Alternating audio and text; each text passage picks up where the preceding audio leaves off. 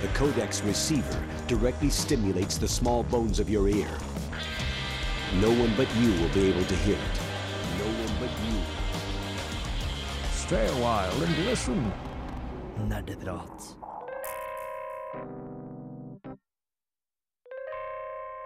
Jepp. Velkommen til uh, den siste ordinære sendingen av uh, Nerdeprat i år. Uh, for nå er det eksamen rett rundt hjørnet, og vi på en måte har dessverre Jeg vet ikke om jeg vil kalle det bedre ting å gjøre, men vi har ting å gjøre som på en måte Hvis vi ikke gjør dem, så får vi ikke studielån, og det er litt dumt. Uh, så derfor blir dette den siste ordinære og så kommer nok en uh, Game of the Year-sending senere, forhåpentligvis. Uh, jeg heter Andreas, og jeg er programleder i, i dag. Med meg i studio så har jeg også Maren. Woohoo! Fallout! Det er basically det som et, et, et, Vi har ofte en runde sånn Hva har du spilt siden sist? Vi vet hva du har spilt siden, eh, siden sist. Vi bare går videre. Eh, bak teknikerspakene har jeg Torben. Hei! Og eh, også deg, Anders. Ja, jeg fortsatt her. Du blir ikke kvitt meg med det første. Nei, nei, du har vært her hele tiden. Du har vært her siden sist onsdag. Ja, Så har du bare vært her. eh, jeg bor her, jeg. Ja. Alle, leie er veldig dyrt. Det er det. Eh, vi har også en very special guest med oss i dag. Eh, Bendik, du har vært med oss før. Velkommen Ja. tilbake. Back by popular demand. Ja, Eller, Så mange mail, så mye Hvor er Bendik? Uh, her er Bendik, han er med oss nå. Nå Eh, får dere viljen deres. Han ja. er tilbake igjen. vi, er, vi er litt sånn altså mange sånne spillselskap som bare sånn bøyer under for press. Akkurat sånn er vi. Vi, bare, vi, er, eh, vi har ingen ryggrad, vi bare gjør akkurat som dere sier. Så hvis dere sender oss mail hvor dere sier hva vi skal gjøre, så gjør vi det. Hver gang. Eh, jeg lurer på hva dere har eh, spilt siden sist. Jeg håper i hvert fall dere har fått spilt litt siden sist. eh, fordi det er det eneste som gir livet mening. Hva med deg, Osman? Jeg, jeg, jeg, jeg vet hva du kommer til å svare, men du kan jo si det likevel. Jeg har spilt mer Kim Kardashian Hollywood. Jeg er mest kom til å si det. Ja, ikke sant? Og så har jeg redda ungene mine. De var ikke døde ennå. Uh, og så har jeg spilt Fallout. Den, ah, for den setningen var litt tvetydig. Jeg var veldig redd for at det kom noen er spoilere. eh, det var snakk om ungen din i Kim Kardashian-spillet. kan den dø? I Kim Kardashian-spillet. Nei, Nei okay. De bare sulter. Visstnok. De bare lider, er lider for evig. De bare ligger på et rom for seg sjøl i liksom en måned. Det er litt, det er litt det sånn, sånne, jeg vet ikke om dere har sett på Naruto, men det er en sånn udødelig fyr, og han bare begraver dem, og så ligger han begravet sånn for evig, for han kan jo ikke dø. Så han er bare et avkuttet hode. Og, og litt sånn er babyene i Kim Kardashian. De kan aldri dø, de kan bare dette flyte i uendelig lidelse. Jeg vet at det er nerdeprat, men det å snakke om Naruto er off limits. Jeg er føler for at mye. du, du er veldig Er på anime nå, Andreas. Ja, er det en grunn på til det. Oh, Om du, bare, om du bare visste, om du bare visste. Og det får du vite i nyhetsstikket. for! Vi er veldig flinke i dag. Eh, Benedikt, hva har du fått spilt siden sist? Jeg Eh, har fra sikre kilder at det ikke er Fallout 4. Ja, eh, skulle ønske det var Fallout 4, men eh, da må nok en datamaskinoppgradering til først. Så nei, jeg har gått back to basics. Jeg har spilt uh, Far Cry 2, av alle ting. Um, kanskje et kontroversielt uh, spill. Uh, ikke all er en fan, men jeg vil si by far det beste Far Cry-spillet. Jeg, jeg likte Far Cry 2 veldig veldig godt. Mm. Uh, jeg, jeg installerte det jeg, jeg nylig, faktisk. Og så kjørte jeg på en av buddyene mine, og da er de døde for alltid. Så da ble jeg så Ja. irritert. Det er Og det var, fordi jeg liksom det er, Jeg ser liksom en person i litt sånn eh, army fatigues og sånn, og så er det umulig å vite om det er en person som har lyst til å skyte på meg eller ikke. Så bare trodde jeg at det var en fiende, og så kjørte jeg den inn i Og så bare sier jeg vent litt. Det er vel den personen som reddet meg fra å dø for fem minutter siden. Det var litt dårlig gjort. De fleste er jo, vil jo gjerne drepe deg. Men uh, ja, det spillet har noen rare mechanics. Uh, litt sånn irriterende sånn bilmekaniker med malariasimulator-greie. det er faktisk akkurat det. Hva, hva, hva er greia? Altså, du har malaria, så av og til så bare sånn Har du malaria. Ok. Eh, og så blir bilen ditt kjempefort ødelagt. Jeg burde jo nevne at det, for, at det er et spill som foregår på en måte midt under en eh, afrikansk borgerkrig. Så du på en måte kjører rundt i Afrika, og så blir bilen din ødelagt hele tida. Og du må stoppe og fikse den. Det tar veldig lang tid. Og så får du malaria, og så må du dra rundt og skaffe deg malariapiller. Ikke dør du. Så det er GTA Molanen French edition. Vet du hva? Det er faktisk akkurat det vi beskrev sånn. ja! Yes. Det tror jeg var upolitisk korrekt eh, kvoten din for i dag, Anders. Ja, nå er det fylt opp. Nå, nå kan ikke snakke noe mer i dag. Nei, du får lov til det. Nei, men har du fått spilt noe siden sist, Anders? Ja, eh, jeg, har, jeg har jo som de fleste andre eh, spilt litt Fallout, så jeg trenger ikke å snakke så mye om det ennå. Eh, men, men du snakka jo for uh, sendinga for to uker siden, tror jeg, om eh, Banished. Ja. Og det var jo på tilbud nå, det kosta jo to kroner i seg. Det nå på Steam-salg for ei og en halv uke siden. Ja. Så jeg kjøpte. Og du har fått spilt det litt? Ja, eh, det tok meg fire forsøk for å overleve den første vinteren, men nå har jeg en by gående der det begynner å bli både tredje og fjerde generasjon som vokser opp og har det fint. Mm. Ja, fordi dette er det bybyggespillet som også er survival-spill. Type Ja, Øh, ja du, eh, du, jeg starter på medium, så jeg starter med fem familier som har med seg litt ressurser ute i skogen, for de har blitt bannlyst fra alt annet, og så må du på en måte overleve. Ja, så trenger du, du trenger ved for å fyre opp om vinteren, du trenger mat Dæven, trenger- hvor de et! De et og et og et og et. Og hvis du har 100 mat i huset ditt, men naboen din sulter du, du bryr deg ikke om naboen din, vet du. Apropos eh, postapokalypse. Frampek. Det er så mye, det er så mye frampek nå at det er bare, det er bare frampek. Alt jeg stiller veldig forberedt i dag, Ja, Godt jobbet, Anders. takk. Hadde- Hadde du en, eh, en finger oppe? Jeg tenker Når jeg hører at de ble bannlyst for det, har jeg fått med meg. Derav navnet. Det er liksom subtilt i tittelen, så er det implisert. Så nå ser jeg for meg bare en haug med folk med liksom australske dialekter. Men det skal, du tar jo ganske lang tid før du begynner å lage noe du kan drikke alkoholholdige ting. Du venter en stund med det, så det er ikke helt sånn som Australia. I mighty am starving! Det var kanskje litt feil. Jeg tror ingen av oss eh, klarer en australsk aksent, så jeg tror vi bare må bevege oss videre fra dette temaet. Det var veldig dårlig. Ferdig. Torben, har du fått spilt noe siden sist, eller er, det, er du Ja, fortsatt i Jeg har ikke spilt eh, Fallout 4, Nei. så alle må bare bue på meg for det. Det er jo til og med to i studio som ikke har spilt Fallout 4, så dere kan lage deres egen sånn uh, Vår, vårt eget eh, radioprogram. Ikke. Fallout 4. Nerdeprat uten ja. Vel, men jeg har uh, lot meg inspirere litt av eh, Rocket League. Der, som, for de av dere som ikke husker hva det er, Rocket League er spillet der du styrer en bil og skal få en fotball i mål. Og du har rakettmotor montert på bilen din, og du kan hoppe. Så det er ganske awesome, basically. Ja. Men uh, det jeg har spilt, det er et uh, Wii-spill som heter Excite Truck. Jeg vet, er noen av dere kjent det Er det? pornografisk? Er det, er det en oppfølger til det gamle nedspillet Excite Bike? Det er nettopp det jeg lurer på om de har tatt eh, navnet fra. Ja. For dette var et lanseringsspill til Wii. Et av mine første Wii-spill. Så der, der kjøpte jeg Wien min. Så fikk jeg med, papp, med pappa. Jeg dro med pappa på Strømmen Storsenter. Hadde sparepengene, kjøpte, kjøpte meg Nintendo Wii. Så var det Excite Track som jeg valgte. I tillegg til uh, Legend of Zelda Twilight Princess. Og Så kjører du en truck, eller er det Ja. Jeg bare hopper til konklusjoner her. du styrer en bil, og du skal kjøre billøp, og du får poeng ved å gjøre forskjellige triks.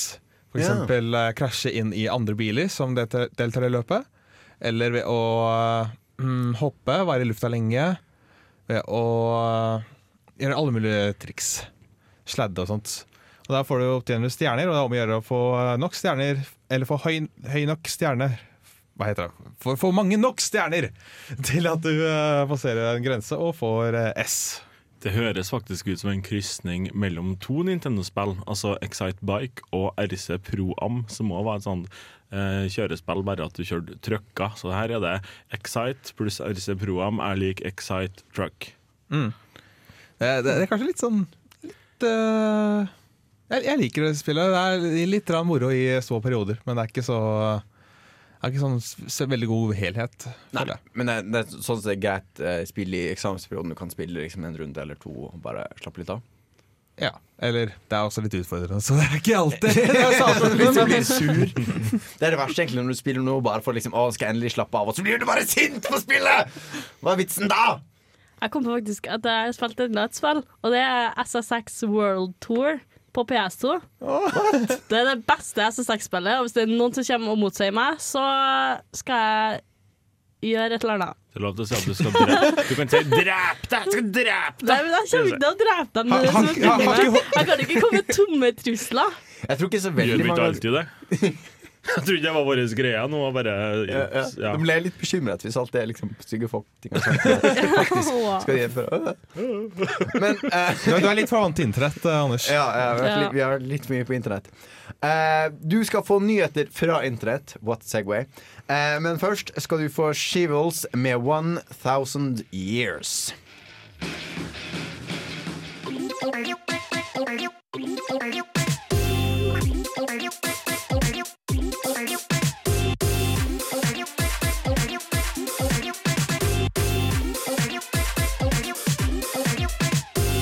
Nerdenytt. Ja, du skal få svar på hva vi har funnet på internett av Anders. Ja, bare for å ta kortversjonen først. Eh, I dag skal vi snakke om eh, porno, vampyrer, drap, skjøting og hentai. Masse triggerord der, altså. Det er veldig, altså, nå, har jeg, nå har jeg vært på kurs og funnet ut hva det er folk eh, bryr seg mest om. Så jeg tenker vi bare hopper rett på første nyhet. jeg. Eh, som alle sammen vet, så kom jo Fallout 4 nå forrige tirsdag, altså 10. november. Og uh, det den anerkjente nettsida Pornhub har sagt, de har at mellom klokka sju eh, på morgenen til klokka tolv på dagen, så var trafikken 10% lavere eh, for 10. november enn den vanligvis er.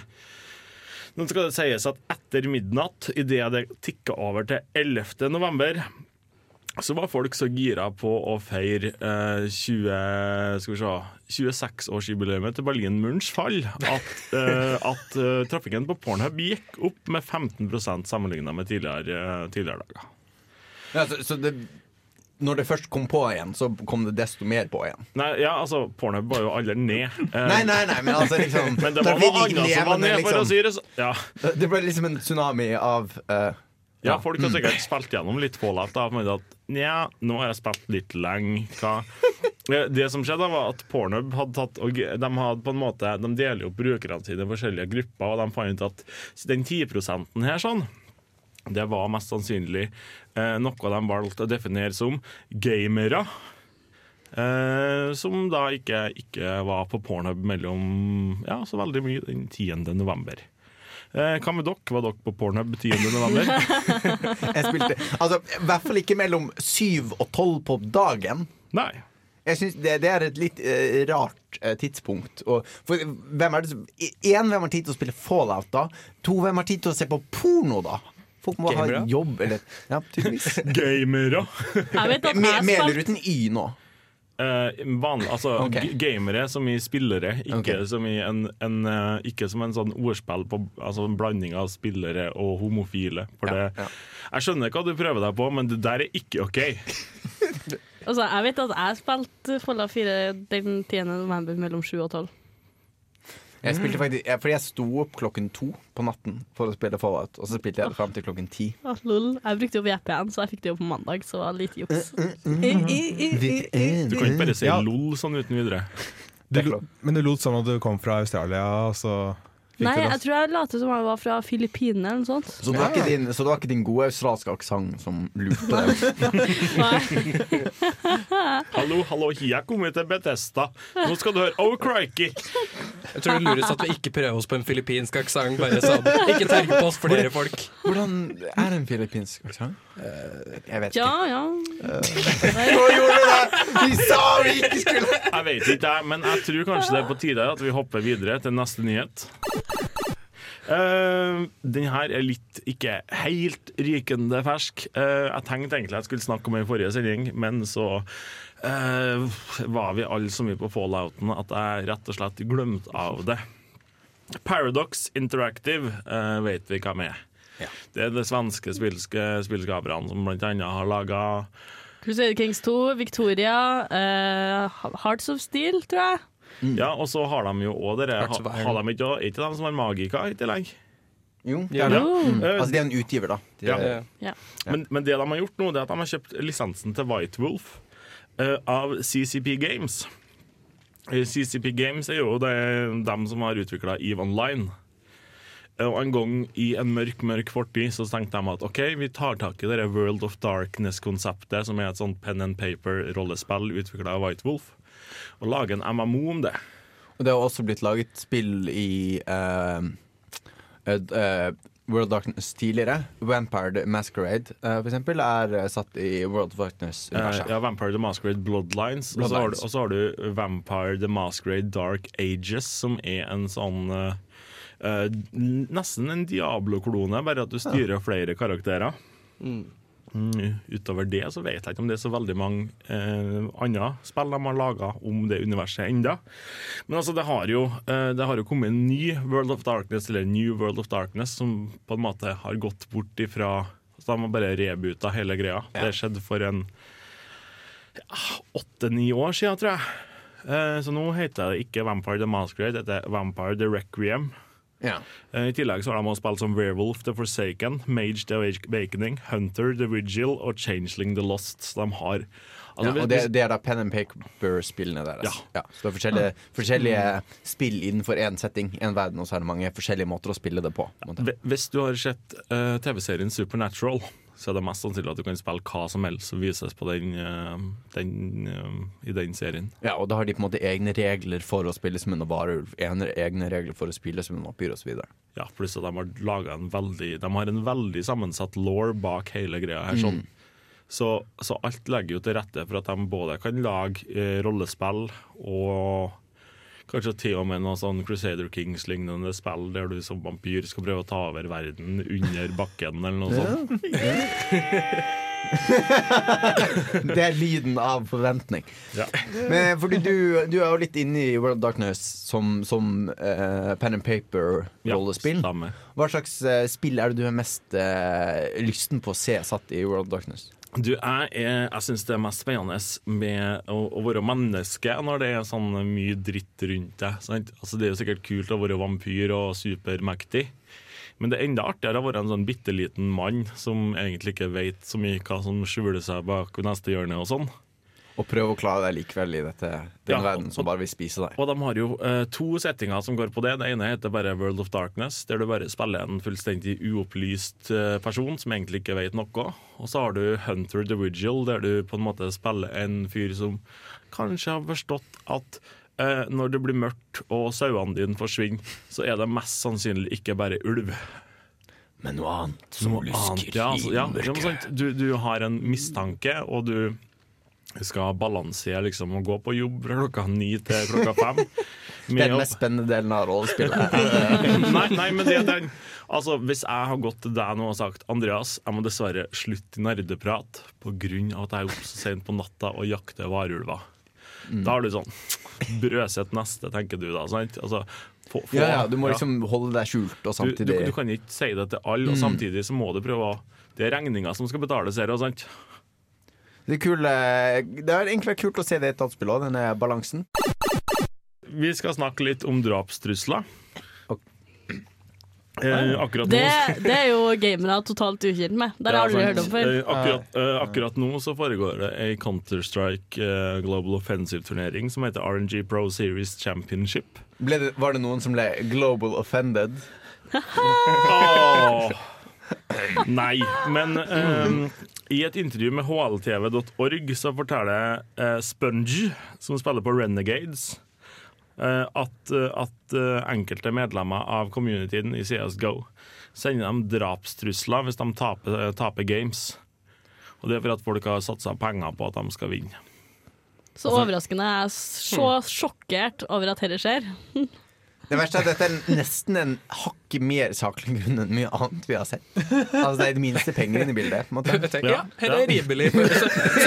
Du, vet at standarder har falt når det her er rimelig. Ja, ja, ikke sant. Men du, da tror jeg vi Jeg aldri tror vi egentlig for bare kaller det ukas gladnyhet og hopper rett videre på neste nyhet.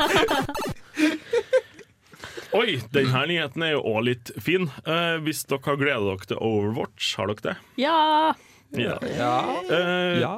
Blizzard har nå sagt at eh, nå til helga, altså fra 20. til 23. november, så skal de stressteste Overwatch-serverne sine. Vil det si open beta? Nei, det det betyr er at de i den helga så skal de, uh, så skal de eh, invitere, sitat, 'lots of more players', sitat slutt. Det vil si at um, ja, hvis du har meldt deg opp til betaen, så er det mulig at du får en invite hvert fall nå til helga, så at du får lov til å prøve å skjøte litt og ha det moro sammen med alle streamerne som spiller. Eh, Det er bare jeg som reagerer på det her. Nei, jeg er supergira, men jeg var ikke helt ferdig med nyheten min ennå. Ja, okay. uh, Overwatch har, har nå, eh, er jo åpen for preorders nå. Og Blizzard sier at det kommer i løpet av våren uh, neste år. Jeg er litt sånn ålreit spent på det. Ja, jeg, jeg er kjempegira. Det, jeg tror dette er det eneste nye på en måte, eller nyere MMO-en som jeg faktisk kommer til å prøve å spille. MMO, er ikke, Nei, nei, ikke MMO. men online, liksom. Online, ja, et online-spill med andre mennesker. Fordi jeg spiller kun ett, og det er veldig under litt skjolda omgivelser. Ja. Så Pakker du deg inn, liksom? Eller hva? nei, altså, jeg, jeg kun spiller med venner, da. Ja. Er det, Så no, er, er det noe du prøver å unngå å fortelle at du spiller Star Trek Online? OK. Nei, men Er det liksom hemmelig at du liker Star Trek? Er det greien? Eller? Nei, men Star Trek Online Star Trek. Star Trek Nei, vi spiller Star Trek Online. Det er det som er greia. jeg, jeg kan komme ut som at jeg også har spilt Star Trek Online i en del hundre timer. Så Når, eh, hvordan reagerte dine foreldre når du fortalte dem at du spilte Trek Online? Hvordan var det for dem? Eh, sj- Sjokk. Um, eh, mamma kalte meg en noob. Eh, Men, men jeg har ett spørsmål. Kan man spille som Yoda? Vi går videre til neste nyhet. Uh, det her er vel egentlig en mer en digresjon enn en nyhet. Jeg tenker vi skal ta forløpet først. Ja, for nå, nå, for nå får du innblikk i hvordan researchprosessen er uh, her på i denne Det her er eksklusivt nerdeprat inside stoff. Um, jeg og Andreas vi satt og diskuterte litt eh, aktuelle hendelser og sånn eh, rett før vi gikk på lufta.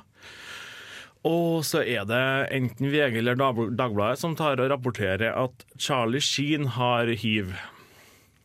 Da sier Andreas Men han har jo aldri vært særlig morsom. Så sier Altså, jeg likte ikke den implikasjonen der. Nei, nei, nei, men altså, det var ikke at hiv er Det var ikke fordi Altså, det var ikke å implisere at det var greit, fordi han var aldri morsom. nei. Det er fordi at han er en komiker, men han er ikke spesielt morsom. Det var hele poenget. poeng. Ja. Og da sier jeg Men uh, Charlie Sheen er jo litt som den amerikanske versjonen av Carl Reverud. Hvem er Carl Reverud, sier Andreas, som er ganske ung av seg. Og så jeg jo, det er jo, det er jo han karakteren imot i brøstet. Så Andreas googler Carl Reverud, og det viser seg at det er laga en wik wiki om Mot i brøstet. Mot i brøstet-wikien. Ja, for det, det er altså ikke snakk om en wiki-side, men en egen wiki hvor det bare er artikler om NRK-serien Mot i brøstet. Nei, vent, TV2. TV2. TV2, beklager. Andreas leste ikke den wikien så veldig nøye. Men eh, vi fikk en tanke, da. Er det ikke litt rart at dette er en egen wiki? tenkte Ja. Finnes det kanskje andre sære wikier ute der? Så eh, som det researcherne vi er, så setter vi i gang og begynte å se. Vi kom ganske fort frem til at det var ei side som heter Anime Baths. Bath? Jeg får ikke uttale det ordet. Nei. Bath. Bath! Bath! Anime bath. Ja, Anime um, bath. Altså det, det, det handler om uh, det, det er en wiki, ja. en wiki som tar for seg uh, bading i anime-serier. Og den har Har du oppdaterte tall? Eh, Ca. 3600 artikler om bading i anime. Og du har både liksom analyse av episode to i sesong tre av Nino Jinkodaya. Eh, hvor Gunsoga badescenen der, og på en måte Men det er også liksom tematisk sånn water scooping. It's when a character til vi scoops til å link- water. vi kommer til å linke denne viken her. det er i det hele tatt ganske amazing. Og hvis du finner artikkelen om bubble blowing, så ble faktisk den skrevet. av, Eh, av meg og Andreas. Eh, men vi er bare halvveis i eh, hvor, hvor langt vi skal før vi kommer til denne nyheten. Det som skjedde, da var at idet vi scrolla oss litt nedover på animebading.wikia.com, så fikk vi opp et spørsmål. Hvilken animeserie i, som, ble, eh, som vistes i, i sommer, hadde den beste badescenen? Uh, og der var det en overlegen vinner. ja, det var ca. 50 av stemmene hadde gått til Monster Musumuno no Irunushio, eh, som betyr Daily Life with a Monster Girl. Hva er det her, lurer vi på. Så vi googla jo selvsagt det, ja. Uh, og da kom vi til Monster Musumuno no Ironishu Vikin. Som er Har du øvd, Anders? Nei, eh, det bare, føles, det bare føles så rett å si det. Det er jo den beste aksenten vi har hatt i dag, da. To be fair. Så Arigato Benderikstusen. Det syns jeg er subjektivt. Uansett, da. Eh, så, så kom vi inn på den viken der, sånn, og det står at det er både en anime, en manga og et spill! Eh, det har ikke kommet ennå, men det viser seg at Monster Musume Noiri Wikio Nishio Online er rett rundt hjørnet. Så nå kan du være en klein tenåringsgutt som får en monsterutvekslingsstudentjente Ja. som flytter under deg og har litt sånn klein sexual tension over lengre tid. Men være altfor frustrert til å gjøre noe med det. Spillet et spill. heter, spillet Monster Musume Daily Life with a Monster Girl Online. Eh, og, og, eh, Online, faktisk. Online. Ja, det det, det spillet sier, det det står da om spillet, som nå kommer helt til slutten av 2015 As the game progresses, players can raise their intimacy level wi- with their homestays and ultimately trigger a rewarding event. Så tenker jeg eh, Så det er, altså, så det er slangjenter. det er sånn harpy-jenter, Hestejenter. hestejenter, eh, edderkoppjenter, og de har faktisk åtte øyne. Å, Gud. Eh, så det er ingen Men, men, men alle, alle, av dem har, alle av dem har sånne glatte anime-jenter i ansikter og store pupper. Ja. De er, ja, de er brystfager. Eh, altså, Bramfager. Bram. Greit, eh, jeg skal ikke, jeg skal ikke eh, lyge på meg og si at altså, det er jo jeg som fant dette her først. Men, men, men jeg foreslår egentlig at hvis en av dere vil ta den anmeldelsen for nerdeprat, Altså, vi, vi, vi håper vi rekker å gjøre den Game of the Year-sendingen, da. Ja, for så lenge den kommer til 2015. Hvis ikke kommer vi til å få alle menn som klager sånn Dere sier dere liksom går det beste spillet i 2015, og så har dere ikke spilt Daily Life of. Ja. Eh, det, liksom, det, blir, det blir helt usaklig, og vi mister vår, eh, vår integritet som journalister. Jeg trodde jeg gledet meg mest til jul, men nå vet jeg ikke. Men eh, nå har vi snakka litt om hvordan vi gjør research og sånn her i Nerdeprat. Vi har jo en sending nå som skal handle om postapokalypsen, eller POAP, som jeg liker å kalle det. Eh, jeg har egentlig laga et lydklipp som vi og du, kjære lytter, kan høre på sammen. Bare for å få oss litt i stemningen. Ja. Og så skal vi hardware du noe annet på tapeten, Andreas. Ja, så dette blir på en måte Nå skjer linjen i sanden, for å si det sånn. Etter dette punktet så er vi inne i eh, temadelen hvor vi skal snakke om postapokalypse. Hvorfor vi synes det er fascinerende. Eh, så nå, for å sette deg i riktig stemning, her har du Anders som har laget en liten sak til oss. Verden som du kjenner den, har gått under. Kanskje gikk miljøet til helvete, eller de døde reiste seg igjen. Var det atomkrig eller romvesen som til slutt tok knekken på planeten vår?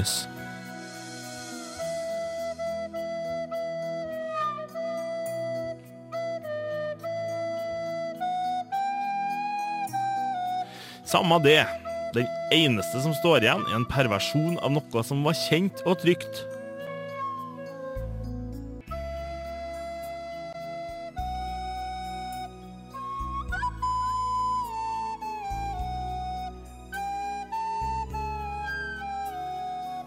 Det her er postapokalypsen.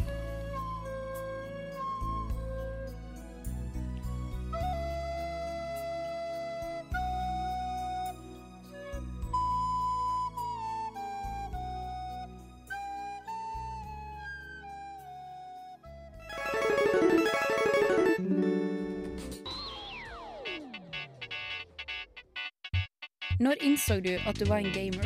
Dersom du kunne spilt kun et spill i et år, Hva er det eldste spillet i backloggen din? og du var på en øde øye i helvete mens du var 11 år gammel, Hva har du lært fra spill som du har fått nyte av i hverdagen? Er det et spill som har hjulpet deg gjennom en tung periode av ditt liv? Hva er ukas spørsmål? Uh, og før den fantastiske jinglen så fikk du uh, Glorious Damage uh, med Gum. Um, men nå er vi på ukas spørsmål, og vi er på postapokalypsen. Det er det det handler om nå. Har dere, har dere kommet litt inn i stemningen nå, eller? Altså, den, den panfløyten er jo Ragnarok. Saksopplysning. Liksom, Det er, det er blokkfløyte. Men Ja, ja, jeg, jeg bare tenker på det I, I hodet mitt så er det en panfløyte. Fordi det er liksom jeg skal ikke ødelegge din headcanon. Nei, det er Don't disturb my headcanon. Det er liksom I min law, da, så er det eh, pan, eh, panfløyte. Shoutout til eh, Trym fra Alle elsker mandag.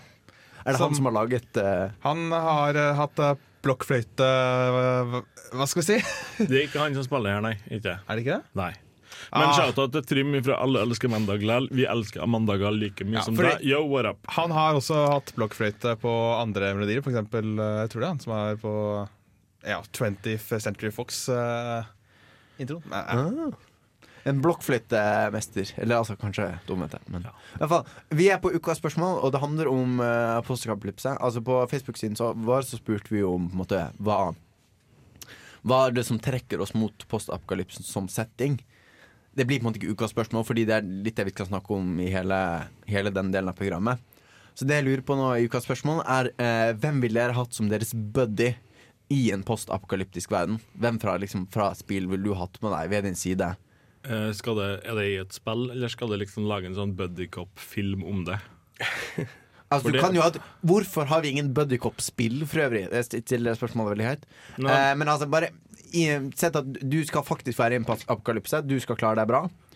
Eh, og hvem tar du med deg da fra spillenes verden? Ah, okay. Men om dere vil lage buddycop-film eller på en måte bare leve lykkelig aldersdager, det er opp til dere. Jeg vet med en gang hvem vi skal ha, og det er Piper Wright fra Fallout 4. Hun er journalist. Jeg er nesten det.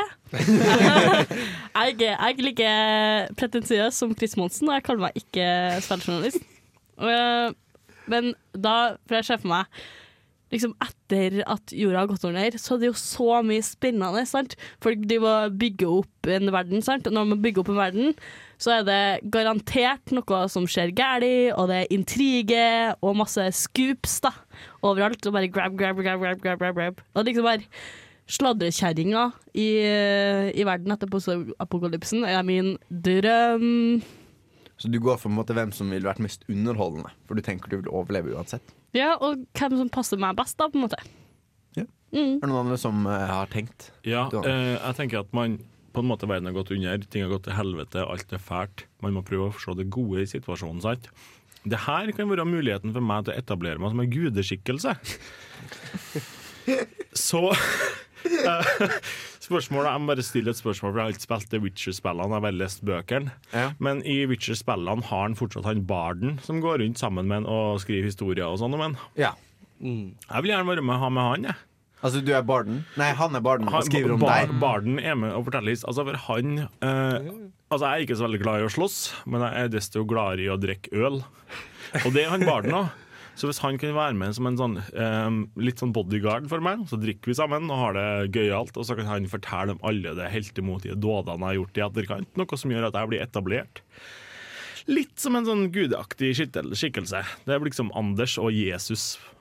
Men altså, Dragon Age har jo en lignende skikkelse som bare overreagerer Eller eh, lyver totalt om hva du gjør, og hva andre han gjør. Så det er i tillegg en veldig kjent forfatter, og nemlig Varric.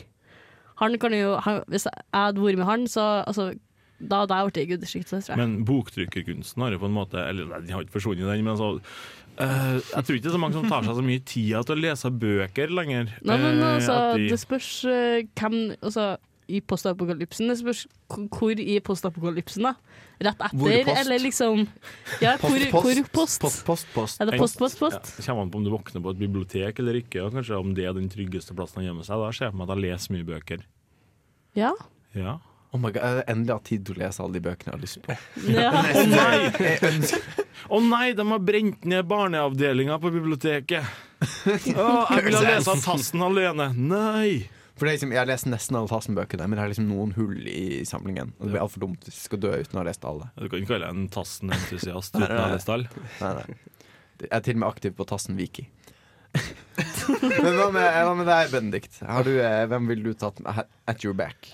Uh, nå har jeg desperat stått og tenkt. Hvem vil jeg ha? Um, jeg vet ikke. Uh, noen jeg- som er flink til å drepe ting. Um, For du, du går etter trygghetsruten. Ja, ja, for de fleste ja, ja, her liksom ja, ja. tenker sånn Jeg overlever, så da tar jeg med meg en, Nå, en som kan nå, synge. nå må vi ikke glemme uh, sluttposten i første Wolf 3D-spillet. Mm. Han er jo med i et dataspill veldig flink til å drepe folk, i hvert fall til å organisere hele greia. Yeah. Tenker du på Hitler? Ja. Ja. Altså, jeg tenker han er sikkert ja, er- Og Hitler. Men jeg tror at Ja, Meka-Hitler. Er Han er jo Meka-Hitler. Ja, ja, ja. Heller, heller Eh, Meka-Hitler enn kanskje han. Kanskje han. han yeah. sånn, han har kanskje ikke så mye moralske kvaler heller. Nei. Um, Men da må, du, da må du liksom holde han i tøylene, da. Ja, men Hvis- jeg er tenker hvis, hvis jeg ikke trenger å ta moralsk ansvar for handlingene Hvis jeg på en måte bare kan nyte godt av det Eller, hvis, eller kanskje du er samvittigheten hans. Du Ja. kan, si, du kan uh, sitte på skulderen til Meka Hitler og liksom hviske sånn Nei, ikke drep ja, barn, Meka Hitler. Her er et, uh, her er et forhold jeg kan på en måte get behind. Ja, ja. Det, det har vært et spennende interaktiv fiksjonsverk. Hvor du sitter i øret til Hitler. Jeg prøver ikke å tvinge deg inn i akkurat den rollen, sa Bendik, men det er tydelig at du tar, du tar liksom og omfavner den Ja, sjøl. jeg Jeg omfavner Meka Hitler. Um, Ja, men spørsmålet er, har Meka-Hitler et hjerte? Han har en eller annen pumpefunksjon, i hvert fall. Eller mener du i overført betydning? Og så i overført betydning òg. Oh, ja. Har han, har liksom Altså, Hvis Bendik sitter og kvisker inn i øret på han, hører han på det? men Altså nå, nå, Wolf 3D var aldri et sånt uh, narrativt mesterverk. Så det, det ikke så veldig Hvordan mye. våger du? Men kan, kan han omprogrammeres? Eller Nei, Hva er, er de, hva er de etiske retningslinjene for å omprogrammere noe? Er ikke det veldig dårlig? Eh, Når det er Hitler, da. On. det er liksom Det er kan- Hitler. Eller vi gjør litt Hva heter eventyret der de går ned sånn Det er en robot som ikke har hjerte, eller noe sånt? Tenker du på uh, Trollmannen fra Os? Ja! Litt sånt! Du og Meka-Hitler på eventyr. Ja. hjertet sånn at ja!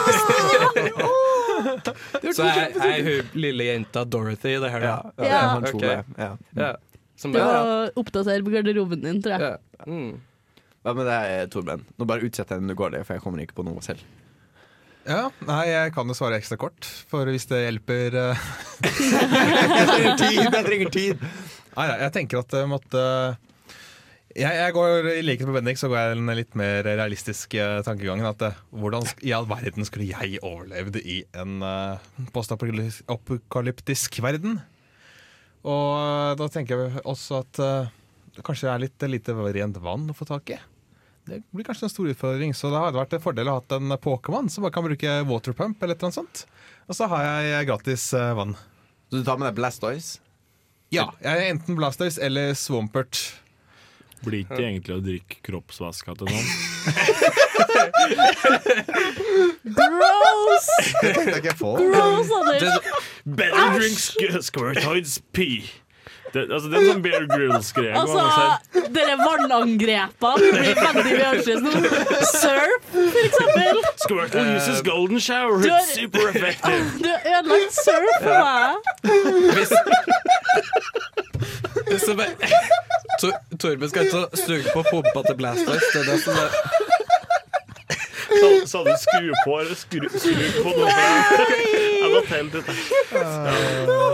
Jeg tror nesten vi gråter i lag, Ja. også, Men, men Dørum, hva, hva, blir, hva er din Altså, sidekick? altså andre, Dørum.exe hasn't function. Altså, det, Veldig spent mens nerdeprat ser etter en løsning på problemet. ja, ja dette, er, dette er tekniske problemer. Nå må vi bare Vi har Eh, Vi går videre til uh, Nei, nei, du, du må jo svare. Ja, Må jeg svare? svare. Du, Ja. jeg jeg er programleder her. Unnskyld meg, men nå prøver jeg. Ja, ja, ja. Ikke prøv deg på det. Um, noe av det første jeg kommer på Alltid når jeg tenker på liksom, hvilken spillkarakter er best på en eller annen måte, så tenker jeg alltid på Gareth Facarian fra Mass Effect-serien. Mm. Og jeg tror han er en uh, Håper å si en mann. En, en slags metallfuglskapning-person. eh, som både på en måte har eh, liksom kraften til å holde meg i live mot eh, skumle skapninger og raiders. Han har integriteten for å liksom gjenskape sivilisasjonen. Og har han også en, eh, en varm, om en litt eh, taggete omfavnelse for å holde meg varm om nettene. Så jeg går for Gareth Facarian. Spoiler alert. Andreas fuck the Birdman. Ja, ja. ja, ja. Med, en gang, med en gang man kunne romance Gareth, I was all over that. Han er jo, han er jo en, en sånn høneaktig skapning, er han ikke det? Altså, de, er, de har en sånn fugleaktig ting ved seg. Ja. Ja, det har de. De er basert på en blanding av fugler og det romerske samfunnet. Could it get any better? Men men, nå skal du få lov til å sette på låt, Nå, Andreas. takk. Eh, nå eh, går vi videre til eh, Carpe Diem eh, med hvite menn som pusher eh, 50 fra deres nye eh, album. Du hører på Radio Revolt. Nei, du hører på Nerdeprat på Radio Revolt i Konvent. Ok, Nå har vi gått fra eh, Vi snakker fortsatt om postapokalypse, men nå har vi gått fra liksom den konkret spørsmål-bit-delen til mer sånn ble-ble-ble-delen. Eh, og vi bare prater. Burde vi ha eh, måtte, Vi kan ta en, nesten en avstemning. Eh, trenger vi å forklare postapokalypse som begrep? Eller er det fordi nå er vi, vi har bare brukt det, liksom? Og kanskje antatt at folk vet hva vi legger i det. Men Ja, altså, absolutt, absolutt, absolutt. absolutt. Du du mener vi må forklare det? Straks vi sier eh, postapokalypse, som jeg trenger veldig mye tid for å si, så jeg bare spare sendetiden. Og så jeg, kommer jeg til å si poap fra nå av, for jeg syns det er veldig vanskelig å uttale postapokalypse. Kan du bare Eh, si pop? Ja, ja. Altså, men når vi snakker om poap, så er det veldig mange forskjellige definisjoner av poap. Mm. Postapokalypse, altså. Ja. For dere uinnvidde så betyr det postapokalypse. Uansett, eh, du har jo på en måte den vi alle tenker på når vi tenker sånn atomkrig, greit å komme opp fra til Volt, som er veldig aktuelt nå pga. Fallout 4. Men det Jeg, jeg, jeg trodde du skulle si noe om Russland. men- Russland men, okay. Nei. Nei. vi, vi tuller ikke om ting som faktisk kan skje i løpet av ei uke. Vær så snill, Putin, ikke skad oss. Eh, Putin will love you! Nå, nå data litt ut av det. Men, men eh, det er jo f.eks. eh, zombieangrep er jo en kjent eh, poap-setting. Har dere flere kjente poap-settinger dere har lyst til å komme med, eller skal jeg bare fortsette å snakke? Altså, du har, jo- har jo en litt sånn religiøs kontekst. Altså, det er ofte der det apokalypsebegrepet kommer fra. Mm. Jeg lurer på om til og med apokalypse kommer fra én religion spesifikt. Gjør det det?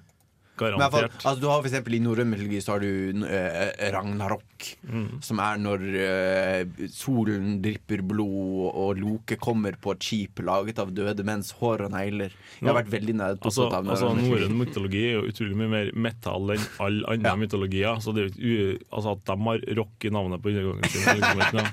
Eh, altså, det er jo en bibelsk apokalypse. Mm. Eh, kristen, og da skal når Jesus returnere returnerer, og så skal på en måte verden deles opp i dem gode og dem onde. Og, ja. Er det det samme som The Rapture? Nei. Um, det henger litt sammen, tror jeg. Men, men uansett, da. Um, eh, klimaendringer, f.eks. den eh, storfilmen 2012, som handla om at verden går under fordi at verden eksploderer, nærmest. Mm. Det, er jo en det er jo en apokalyptisk setting. Ja. Eh, den filmen uh, med, med Will Smith, vet du. 'Independence Day'. Ja, altså romvesenet kommer og Mm. brenner ned alt. Ødelegger verden. Will Smith Den, er den, med den jo, det, er på en måte en preapokalyptisk film, da. Ja, men altså, den, den er jo på en måte med å definere hva en apokalypse kan være. Ja, det er sant. Og postapokalypsen er jo det som skjer etter apokalypsen. Altså, det, apokalypse er jo eh, Eller det er sånn Altså, de her type tingene er jo ofte ganske politiske. Så da kan du si at på en måte på 50-tallet og sånn som Altså Fallout er jo basert rundt sånn den 50-talls uh, greia med i hvert. Estetikken, også den frykten for atombomber. Uh, Ja, du kalde krigen. Ja, uh, og så fikk du Mad Max i, på sånn 90-tallet og sånn, eh, sk- som handler om at verden går tom for bensin. Og da var det jo sånn stor frykt for oljekrise og alt Mm. mulig sånn. Og så nå har du eh, klimaendringer, og verden går under pga. klimaendringer.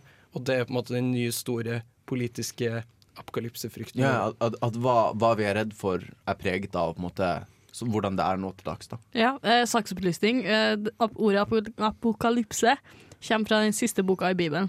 Ja. Så det er Ja. faktisk det er liksom eh, Jon sine revelations. Ja, åpenbaring. eh. Ja, Johannes åpenbaring. Johannes Ja, nå Men tenkte har- jeg har vi en- har vi en- Vi har jo Armageddon òg. Hvem er det sin, holdt jeg på å si? Skal jeg sjekke? Arma. Jeg kan eh, skrive her. Tenker vi på filmen nå, eller tenker vi på Nei, men eh, altså de fleste, altså Ragnarok, altså Ja, altså, apokalypsen kommer jo ofte fra Ja. noen, da. Harmageddon er en kristen forestilling om Guds dom over verden. Så det er veldig mye kristent. De er litt pessimister, de, ass. Ja. Altså, det er ikke før i nyere tid at kristendommen ikke har helt dominert kulturen. Det er- Ja. Skulle nesten trodd vi kommer fra en kristent eh, område historisk. ja. Skulle ha trodd det. Vi kommer jo altså for så vidt fra et norrønt eh, område historisk. Så det er jo de to, de, to, ja, men de to vi kommer på, er Ragnarok og apokalypsen, og det er kanskje passende. Ja. Men i hvert fall, altså det er på en eller annen måte eh, Har verden har, gått- har verden gått under. Adundas. Og, og hva, hva vil du si at verden går under? For eksempel, altså jeg tenker når, liksom, når det er så grundig ødelagt at på en måte sivilisasjonen opphører, at de reglene som vanligvis styrer livet vårt, eh, hvordan vi oppfører mot hverandre, det har bare falt fra hverandre. Mm. Det er ingen den oh, Det er nesten for å trekke inn eh, det John Locke snakker om. Altså, ja, men altså Presivilisasjonstilstanden hvor alle kan gjøre alle, alt mot alle. Altså, du kan drepe noen, og det er ingen som kan stoppe deg. Du kan ta Mennesket tingene er deres. redusert til dyr, nærmest. Det Nesten. egentlig Eh, altså, sånn. Saksopplysning, nå snakker dere om den hobbesianske eh, naturtilstanden. Det, eh, Ah. Locke sin er jo mer eh, altså, positiv i forhold til naturtilstanden. Ja, kanskje jeg blander. Nå ble jeg outnerda igjen. Ja, men eh, altså, snak, Snakker man ikke om når den sosiale kontrakten opphører? Jo, altså, eh, ja, men, eh, det er jo Hobbes som mener at eh, mennesker oppfører seg som et dyr når man ikke har en sosial kontrakt. Altså, Ja. for, for Mm. Locke så er um, egentlig naturtilstanden ikke så ille, men eh, mennesker kan oppnå mye mer og få et bedre liv eh, hvis de, eh, hvis de eh, altså, inngår en sosial kontrakt. Ja, men altså, det jeg synes er at Jeg tror ikke at vi kommer til å på en måte At den sosiale kontrakten opphører. Ja. Fordi jeg synes det at vi mennesker kommer alltid til å være sånn Og alt var bedre før, så da må vi bygge opp det og ha det sånn som det var før. Ja, for det er jo òg en greie i en del POAP-settinger at, at de fortsatt tar og snakker varmt om en teknologi som, eller noe som eksisterte før apokalypsen skjedde. Det er jo en stor greie av veldig mange av dem at kanskje er det noe teknologi som fortsatt eksisterer, men de har glemt hvordan de skal eh, lage den. Sånn at alt av teknologi som fortsatt eksisterer, blir veldig mye mer verdsatt nå enn den var før, f.eks. Mm. Da er det på en måte at det blir en sånn mystisering av fortiden. Fordi det er noe man ikke kan forstå. Mm. Det er kan, kanskje, jeg vet ikke om det er det litt som jeg appellerer til oss at på en måte man Det er en måte å kommentere på den verden vi har i dag, og på en måte se den fra eh, noen som ikke egentlig forstår den. Hvordan de ser på sånn vi lever i dag, fra etter apokalypsen. Ja, for jeg tror det er samme, at det er samme funksjon da, i litteratur som science fiction på mange måter. At man bruker en sånn vill outlandish setting til å kommentere på den settinga vi er i nå, i virkeligheten, Mm. på en mye mer direkte måte. da. Det er vel science fiction, er det ikke det? Det faller jo under paraplyen. Science fiction. Eh, Ja, noe er det- noe er jo- Det er jo stort altså- sett regna som science fiction, vil jeg si. Ja, jeg tror det er mye av science fiction som er postapokalyptisk, men jeg tror det er sånn uavhengige greier som kan feire inn i fantasy og Og ikke minst Mm. så har det jo Det har jo vært apokalypser som har skjedd eh, i, i verden nå. For eksempel svartedauden var jo en sånn apokalypsegreie som Ja, ja, i, hvert fall, I hvert fall i deler av verden. Ja. Mm. Men det er, jo ikke, altså, det er jo ikke den samme skalaen, da, kan du si. Altså, du, du har aldri hatt eh, Det har aldri skjedd på en måte at uh, bare Altså sivilisasjonen har, at sivilisasjonen har slutta å eksistere. det, er veldig, det er jo veldig vanskelig for oss å vite om sivilisasjoner. altså, Alt var så mye bedre Ja, før. altså, eller noen sivilisasjoner har jo slutta å opphøre, da, kan man si. Ja. Eh, det har jo no, og det er noen man på en måte har funnet spor Mm. snakker litt om men man, man finner etterlevninger av sivilisasjoner som har opphørt uten at man vet helt hvorfor. Mm. Og det er jo veldig vanskelig for oss å vite eh, på en måte hvordan sivilisasjoner før oss har gått under. Ja. Mm. Vi, eh, vi returnerer til denne samtalen etter vi har hørt eh, med Kari Harneshaug. Her får du For Our Love. I've been feeling kinda out of path. Life's been treating us well, so kind. Du lytter til Nerdeprat fra Radio Revolt. You're listening to Nerd Talk from Radio Revolt. Er det kanskje, er det kanskje nerdchat? Nerdy chat. nerdy chat. Nerdy chat. Eh, I hvert fall, vi nerdechatter om eh, postapokalypsen. Nå har vi på en måte prøvd å, å komme litt i grep med apokalypsen. Og vi har jo snakket litt om de forskjellige typen apokalypsen. Og da lurer jeg på, hvordan tror dere at hvordan, Fordi vi skal jo egentlig snakke om spill, og vi kan begynne å spise dette mot spill. Hvordan forskjellige typer apokalypse gir forskjellige typer eh, postapokalypser. Altså hvis vi, OK, vi kan ta for oss Fallout, da. Uh, var det Altså, vi sier at Fallout i Fallout-universet så endte det på en annen måte. Si det endte på Mad Max-måten, at man gikk tom for bensin, f.eks. Og det førte til apokalypsen. Hvordan ville Fallout vært forskjellig å spille kontra at det er atomkrig? Det er faktisk en fun fact, for i uh, settinga så er en av grunnene til at det blir krig, det er at de går tom for eh, Eller olje, da. Ja. Så det er for så vidt en del av settingen. Mm. Radioaktivitet spiller jo en stor rolle Mm. i, i Fallout-universet. Ja. Mm. Som et resultat av atombomba. Ja, der har jeg besvart spørsmålet ditt. Ja, men okay, ikke bare men det da, heller. Da har jeg egentlig bare en time lenger å spille Fallout, fordi nå er vi ferdig. Ferdig. Din, din, din, din. Ikke bare det heller, men det er fordi de har, all, de har bilene sine, de har TV-ene sine, de har radioen sin. Alt er på Alt bruker liksom sånn eh, radioaktivitet til Ja, å for i Fallout-universet eh, så fant de aldri opp microchipen. Nei. Fordi det, Jeg leste meg faktisk litt opp på dette, her Fordi det er jo en, eh, Fallout-universet er en form for alternativ virkelighet. Altså Det er jo ikke bare det at verden er dødd i atomkrig, men også fram til atomkrigen så har, det, så har på en måte verden divergert. Og det er ca. etter andre verdenskrig at på en måte, vår verden og Fallout sin verden skilte lag. Eh, for som han sier, ingen mikrochip. Og man har, mye mer, eh, man har gjort mer med atomkraft og sånn. Det, altså, eh, det første jeg tenkte før jeg begynte å spille Fallout, Det var jo at dette spillet starter sikkert på 50-tallet. Men det er ikke det som har skjedd. Eh, Fallout 4, eh, altså hele den, den bomben som utsletter alt sammen, det er vel i 2070, et eller annet? Ikke det? 77. Mm. 2077. Oktober. Denne. Ja. Jeg, prøver, å ta tilbake nederkreden min, OK? Gre- Etter den der hops-greia. Så er jeg bare men, men, men poenget her er at på en eller annen gang på 50-tallet, som du sier, så skilte våre og deres verden lag. Mm.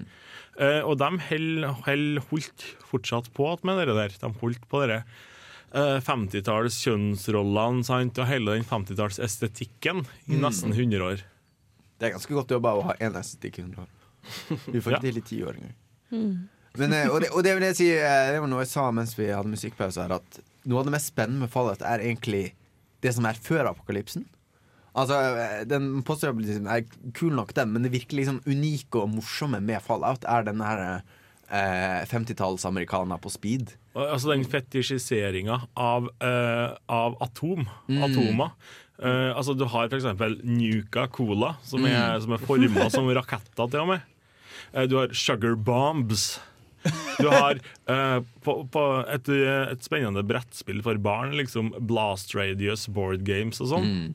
Ja, jeg, jeg merker at jeg ler sånn fordi at jeg har ikke, kjenner, jeg har ikke vært borti dette før. Nei, men det, altså, det er helt uh, Altså, du, du skjønner på en måte at det kunne ha blitt sånn, men, så, Mm. så det gir jo mening i settingen. Men det er Mm. fortsatt helt utrolig absurd. Ja, men jeg syns ikke det er så absurd, for vi hadde jo en sånn obsession med radium på 10-20-tallet og sånt. Der vi hadde i krema og maten, og man tok tok radiumbad og sånn. Ja, Men- men det- men det var på fordi Man 20. tok litt tannpasta fordi liksom It's of the future! Og da er det bra, liksom. Ja. Tobakk ble jo regnet som eh, helsefremmende. Ja, ja, ja. Startende. Saksopplysning, det er fortsatt helsefremmende. Du tar altså, du tar altså konsekvensene av dette, Anders. Vi får en sånn Dette var ikke en Min reklame, dette 13-åring ikke en- begynte å røke tobakk av deg! Anders. Det kan du takke deg sjøl for, sier jeg da. Men det her blir ikke en reklame på noen som helst måte. Nå. Det her er veldig, veldig etisk. Ja, du, du, Folk du, høres har veldig blitt, motsatt ut. du har blitt- betalt av Big Tobacco, Anders. Det er det. Det her var min tobakknarkomane hjerne som snakka.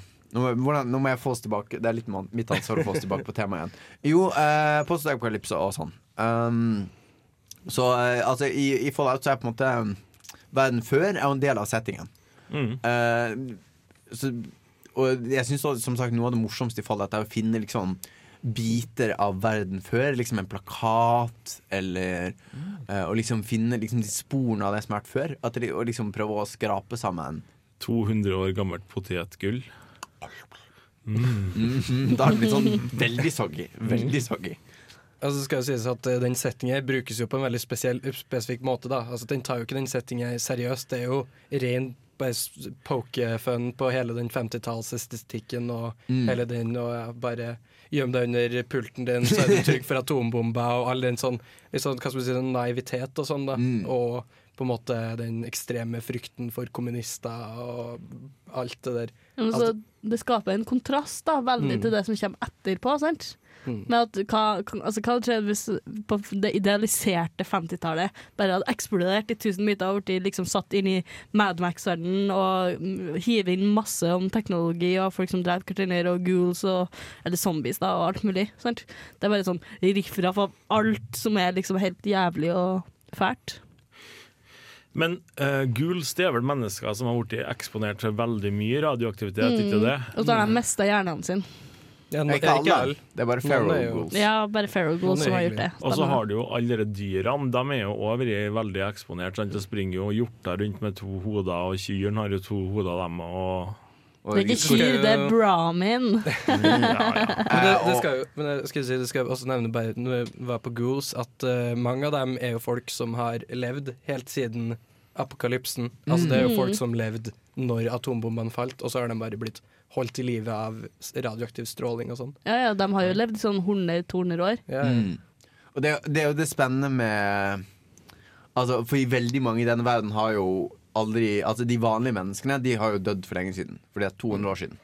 Og på en måte eh, Jeg syns det er så fascinerende Og på en måte disse menneskene som finner spor hele tiden, og alt liksom Alt det du, som er egentlig bra, er laget av noen du aldri kan forstå. Altså på en måte Du bare sitter der og møter hele tiden en, en, en fortid som du ikke kan egentlig fatte.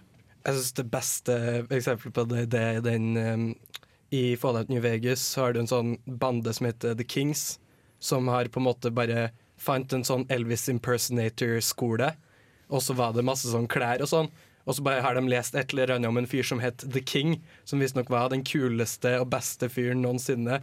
Og så har de bare adoptert alle måtene hans oppfører seg på. Så de har blitt Elvis impersonators.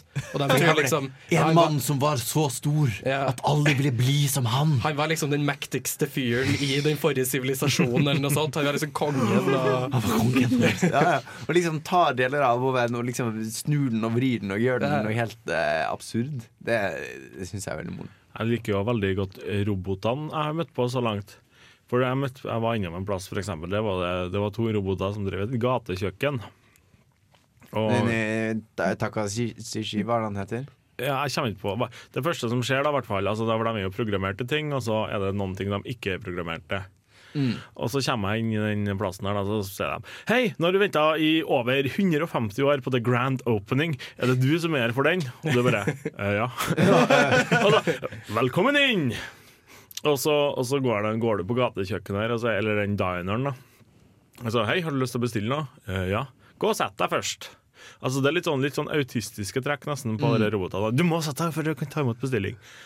Og så setter du deg ned, og da kommer han bort og vil ta bestilling. Og rundt deg så er det haugevis av skjeletter som sitter attmed bordene fortsatt, men de er jo ikke programmert bort til å rydde opp dem. De er jo bare programmert til å rydde bort maten. så det, er altså, det er sånn Jeg digger robotene. Ja, og litt den svarte humoren. Eh, Mm. og på en måte finne Det er litt eh, morsomt å prøve å finne humoren i en, i en verden som er så blek og egentlig jævlig. Mm. Det vil jeg snakke mer om. Uh, men først skal du få bandet Antler uh, med låta 'Animal'. Du hører på Nerdprat her på Radio Revolt. Du hører på Radio Revolt, studentradioen i Trondheim. Ja. Eh, nå er vi tilbake igjen her, og vi snakker fortsatt om eh, postapokalypse. Og vi fikk en kommentar eh, fra vår lytter eh, Petter Høyer. Hei der, Petter Høyer. Eh, for de spurte litt om noen hadde noen tanker om hvorfor vi blir så trukket mot postapokalypsen. For det er veldig, veldig populært, og vi, vi snakket jo litt om det tidligere. Og Petter Høyer sier Jeg tror det kan ha noe med at vi holder på å ødelegge verden. Og og det er vel derfor alle vil ha andre planer. Eller er det at vi skal alle til andre planeter? Altså, eh, ja, det er kanskje Ja, det er vel derfor alle- vil til andre eh, planeter. Uh, og, og pluss at det er, en, det er en spennende verden vi ikke kan relatere til. Og, og jeg, tror, jeg tror det er eh, en spennende For jeg, jeg leser om det er derfor alle vil ha andre planer. uh,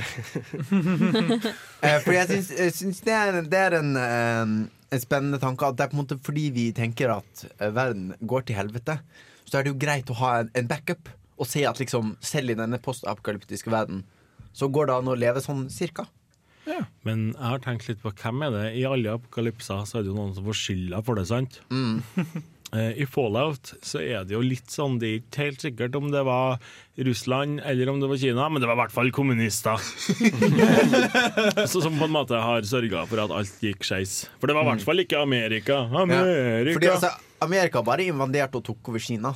Og så var de så frekke å, å sende atombomber tilbake. Men det jeg syns er litt artig, da, er at i, i, i postapokalyptiske spill som foregår i andre plasser enn i Amerika, så er det fortsatt russerne sin feil.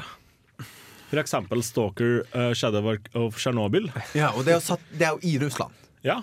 Og det er også er det, Beklager. Eh, men er det også det, Nord-Russland.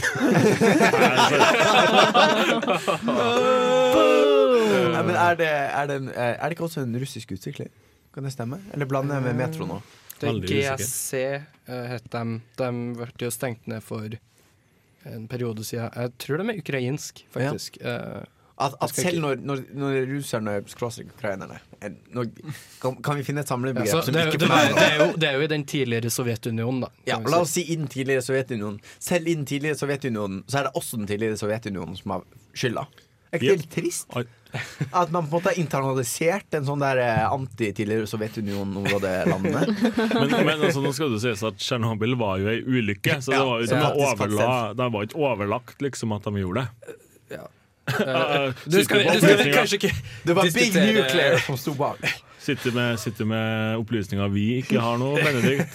Nei, det var jo ikke overlagt. Det var det ikke. Uh, nei. Men det var, det var kanskje litt uansvarlig. Resultat av dårlig sikkerhet og eh, masse korrupsjon i Sovjetunionen. Det er veldig godt si. å få avklart her nå at det er atomkraftverk som small for eh, litt over 29,5 år siden, ikke var med vilje. Du fikk det først på nerdeprat. Tror vi Jeg personlig regner meg sjøl som en Chernobyl-truther. .org. Kjernekraft kan ikke smelte den metallen. er sånn. metallen. Jeg vet ikke hvilken temperatur eh, uran brenner på. Nei.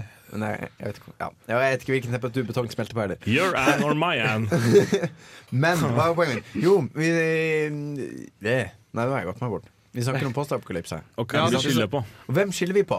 Eh, for det er jo nesten altså Det er noe som har skjedd som må være noens skyld, og det er kanskje også derfor vi på en måte Litt av grunnen til at vi lager sånne postapokalypse, for å liksom Nesten en litt sånn advarsel. Hvis vi ikke skjerper oss nå, så kommer dette til å være den ytterste konsekvensen. Hvis vi ikke finner ut av denne kald krig-greia, eller hva det nå er. Er, er postapokalyptiske settinger egentlig en litt sånn, uh, litt sånn uh, Hva heter den filmen med Bjørn Eidsvåg? 'Himmelen og helvete'. Den handler jo om altså Det er sånn slippery slope-argumenter hele veien. Ikke begynn å drikke øl når du er 14 år, for da ender du opp som Altså, gateprostituert altså, mener i At, at- og det som er mer atombomber er et sånt slippery slope-argument. Ja, altså, det, altså det er sånn Not all people For da kommer verden til å gå under, da, vet du. Da blir det sånn til slutt. Og da er det din egen feil. Da, Det, begynner med bare én, bare ett drag av atombombejointen din. Når du sitter der og er mutert, da kan du tenke 'det var min egen feil'. Du må si ja til livet og nei til atomvåpen. Så Ronald den- Reagan, Ronald Reagan var faktisk en viktig del av uh, desarmerings... Uh, Fallout, uh, altså Hvert Fallout-spill starter jo med en sånn uh, litt sånn moralpreken. da Sånn eh, kri- War never changes. Mm. Ja, og det er jo litt interessant at den introen på en måte ser på det som uunngåelig. At på en måte, dette, er noe, dette er noe liksom fundamentalt i menneskeheten. At dette er liksom Menneskeheten fører krig, menneskeheten fucker opp for seg selv, og det er bare sånn mennesker er, og det eneste som forandrer, er liksom hvilke våpner vi bruker til å ødelegge oss selv med. Det er veldig sånn Veldig mye jeg er veldig sånn negativ til menneskeheten, egentlig. Altså, jeg har det motsatte uttrykket, egentlig. Altså, ikke at det er positivt om menneskeheten, men at menneskeheten gjorde det mot seg sjøl. Ikke fordi man må det, eller fordi det ligger i menneskeheten, men fordi man var grådig og Mm. kjip. Poetic justice. Ja. Det er jo en Ja, altså det er jo en idé med Outline at på en måte vi kan bare At basically vi har gjort det her hele tida, det er bare at nå har vi våpna til å fullstendig ødelegge sivilisasjonen. Mm. Så det er litt sånn, ja. Det er litt sånn som budskapet i mesterverket Plan 49 fra Ytre verdensrom. Ja, den, ja. Ja. Nei, det, det, var, det er videre kjent som den verste filmen noensinne laget. Jeg hadde håpet Ah, ja. at noen Jeg- jeg foretrekker den. Jeg hadde håpet at noen hadde sett den og på en måte hatet den, og så kunne vi sånn Hå-hå, den er jo egentlig kjempedårlig. Hvis det, er, hvis det er film, så er det nok bedre å klakke den vitsen i Filmofil, som går på torsdager eh, klokka åtte. Åtte til ti. Bra subtil pluggen, plugin, Ja. syns jeg. men, men, men altså, nå, nå, har, nå, er dere veldig, nå er dere veldig i den fallout-grooven. Jeg er litt, er litt, litt mer på zombier. Kan vi snakke litt om zombier, kanskje? Vi kan Ja. snakke om ghouls. Kan vi snakke litt om zombier? Faktiske zombier. Ja, yes. Mm. Ja, jeg tror vi, eh, men da skal vi på en måte bryte dette opp eh, med en siste bit av eh, Fallout. Eh, før vi snakker om zombier. Er det greit, Anders? Uh, ok. Ok, Nå skal du få, eh, inspirert av eh, Fallout, her får du Fallout 4 Special Rap. Following total atomic annihilation, it may fall to you to save the great nation. Nerdeprat på Radio Revolt. Jeg må innrømme egentlig har litt, litt dårlig samvittighet. Ikke veldig, men litt dårlig samvittighet fordi eh, temaet for sendingen skulle på en måte være postapokalypse. Og så i praksis så har det blitt Fallout 4. Um, og det er på en måte nesten litt uunngåelig. Uh, av egen måte, fordi det er det livet mitt går liksom ut på liksom, å spille Fallout 4, og så ikke spille Fallout 4. Og da tenker jeg på å spille Fallout 4. Ja, det, det Andreas gjør, du, eh, du spiller Fallout 4, og så i fritida så studerer du eh, informatikk, gjør Ja, ja det, er, det er på en måte fritidsaktiviteten min. Men mens jeg studerer informatikk, så tenker jeg mye på å spille Fallout 4. Jeg vil, jeg vil sammenligne nerdeprat med ei skute. Akkurat nå så er det du som er kaptein, men jeg prøver å være litt styrmann. Og står ved roret og prøver å få oss inn på noe annet enn bare Fallout 4. For vi, Ja, fordi for, for sirenene hvis, altså, wiu. Nei, ikke de sirenene. nei. altså, ah, hva er det han, han seilerfyren? Hom, Homer? Uh, nei, det er han Nei. som skrev det. Det er Odysseus. Odysse, på. Odysseus, ja. Mm. Eh, han, han, når han eh, kjørte skuta, så på en måte Sirenene lokker han mot å kjøre, inn, kjøre skipet inn i tjærene. Eh, og jeg blir lokket veldig å kjøre inn i Fallout. Det er en analogi her. Annet, Beklager. Den Eh, satt langt inn. Ja. ja, ja. Uh, poenget mitt er at jeg er egentlig inhabil til å styre den sendingen. For jeg tenker på eh, Men du ville snakke om zombier, Anders, og det er greit. Nå skal vi snakke om zombier, og vi skal ikke snakke om ghouls. Vi skal snakke om ordentlige zombier. Jeg syns det er veldig spennende å se hva som skjer med verden. Uh, i, altså Zombier Jeg har kanskje snakka mer om zombier sånn, i verden til sammen enn om Fallout 4, men vel så syns jeg at det er en veldig interessant setting. Ta for eksempel uh, ja, Walking Dead, da, tegneserien, eller spillene, eller, eh, eller TV-serien, som jeg helst ikke vil snakke så mye om, for jeg syns tegneserien er mye bedre, men uh, det sier jeg bare for å øke min hipsterkred litt. Altså, Det er jo spennende. Hele Mm. verden har jo gått under, og det er jo pga. at det springer kjøttetende, dårlige unnskyldninger for mennesker rundt og prøver å ete dem som fortsatt lever og puster. Men hvorfor vi Hvorfor er zombier så populært som setting? Altså Hvorfor er det det at verden går under av mennesker som spiser andre mennesker? Hvorfor er det så tiltalende? Fordi at Tiltalende er ord. altså, Nei, tiltalende, men altså, i hvert fall i, i f.eks. Left for Dead. Mm. Noe av det kuleste der, eller noe av det kuleste i veldig mange spill, hvis du har, som meg har syntes det er kult å sette på God Mod noen gang og bare springe rundt med uendelig med ammunisjon. Det at du kan drepe eller du kan skjøte så mye som du bare ser liksom, Det som det som rundt med en gressklipper og se for deg at gresset er zombier. sant? For alt bare bekker idet du i hele tatt begynner å konsentrere deg om det. Du får en litt sånn 'jeg er så mektig', men samtidig så eh, er det så mye gras, eller det er så mye zombier, at, at, at du, du vet at Faen, jeg stiller egentlig ikke så veldig godt lell. Og det er, den, den, at det, det er så utrolig enkelt å bare se og ta på den eh, håpløsheten du har der. Ja. Men hvorfor er det mer håpløst uh, Fordi det føles ofte mer håpløst i en zombieverden enn i si Fallout, der hvor alt er blitt ødelagt av uh, atomkrig. Jeg tror kanskje at, uh, at døden kommer så plutselig. Mm. Altså i, i Fallout 4. Så greit, altså Du kan jo kanskje få en radioaktive mygg som sniker seg opp mot deg, eller at du drikker vann av ei toalettskål og dør, eller sånne ting. Eller at det kommer en mutant og kaster en granat på deg. Mm. Dramatisk nok, det. Men- Men, men, men du kan ikke se radioaktivitet. Den sprenger ikke mot deg og hyler. Mm, jeg, si, jeg tror egentlig at um, Left for Dead og sånn misser kanskje litt poenget med hva som gjør postapokalyptisk media spennende. Og det er at det handler om interaksjon mellom mennesker. Altså Det Mm, handler jo ikke om enig. å skyte ting, og sånn Det handler jo om at på en måte de sosiale rammene og sånn detter bort, og så på en måte ja, så Alle kan gjøre så mye crazy shit de bare vil. Det er fullstendig sterkestes rett og Mm. alt mulig sånn. Så da syns jeg kanskje Altså hvis man, I forhold til det vi har snakka om før, og sånn Og interaksjon med mennesker, så er det jo ting som Daisy og sånn som kanskje er mer eh, relevant å snakke om, fordi mennesket er det ekte monsteret. Mm. Og det er egentlig litt interessant det jeg sier, fordi der er det ikke liksom at spillet har konstruert disse menneskelige interaksjonene. Det er menneskene selv som Mm. er akkurat så jævlige som man frykter. Nå, altså, spesielt med zombier. Jeg tenker Det skumleste med zombier for veldig mange folk, er jo at hvem som helst du kjenner, og deg sjøl, kan bli en zombie. sant? Du plutselig kan mest eh, vennene dine og familien din, for jeg måtte, vet ikke hva som foregår, og blitt bitt eller noe sånt. For det tar jo på en måte bare ett bitt. Mm. Eller det å bli skrapa, eller hva som helst. Sant? Så, er du plutselig, så tilbringer du plutselig resten av livet ditt med å spise andre mennesker. Bare ett trekk. Zombie, zombie bite, not even once. Zombie bites can't melt. uh. Nå, nå blander du konspirasjonsteoriene her.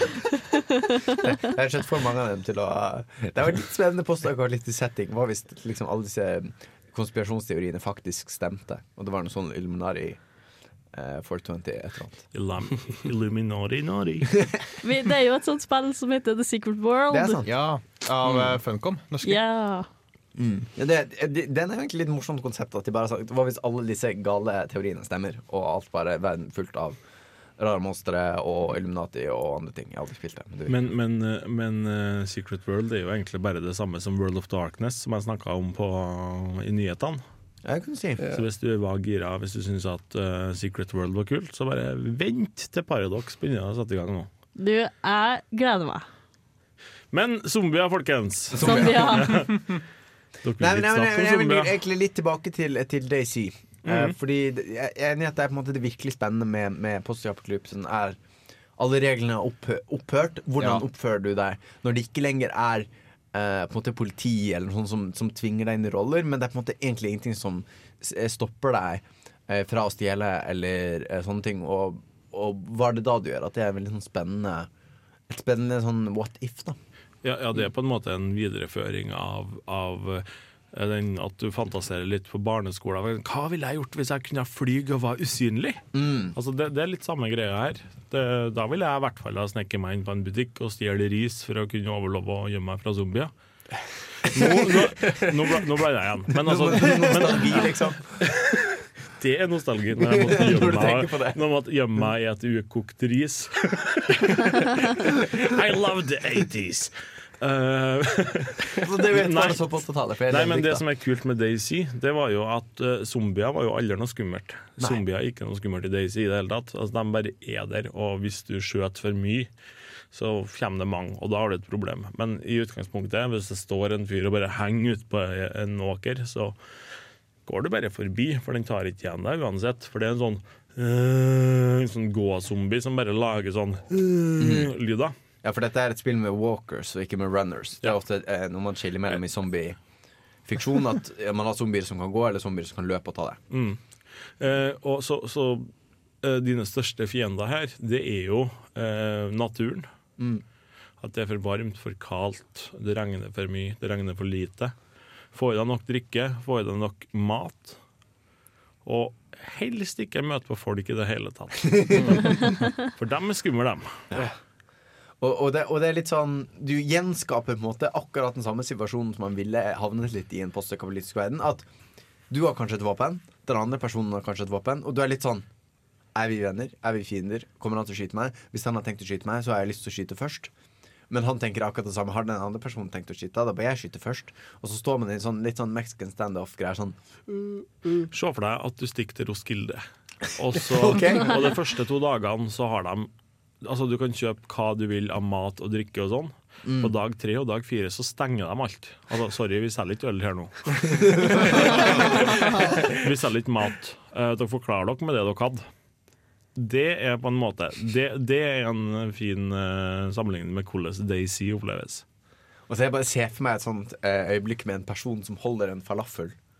Og ser du sånn en sånn eh, sånn Ja, sant? Og, og folk, folk blir jo primitive av å være der òg, så til slutt så kommer det en fyr med ei teltstang sprengende mot deg mens han har, mens han har campflagget svaiende rundt, rundt som en bandana sant? med sånn kauke. Ah, kartoffel, kamelose! Og du bare ah! Det var ikke- det var det var Roskilde, sånn- folkens. Ja, det var helt sånn jeg var på Roskilde. Men de Daisy, solg- folkens. Men de solgte mat, da. Det er kanskje det som utgjør forskjellen. Så det, det kan være nesten være sånn det de kunne gjøre Roskilde sånn, sånn live, sånn postapokalyptisk live. Om bare slutte å, selge mat.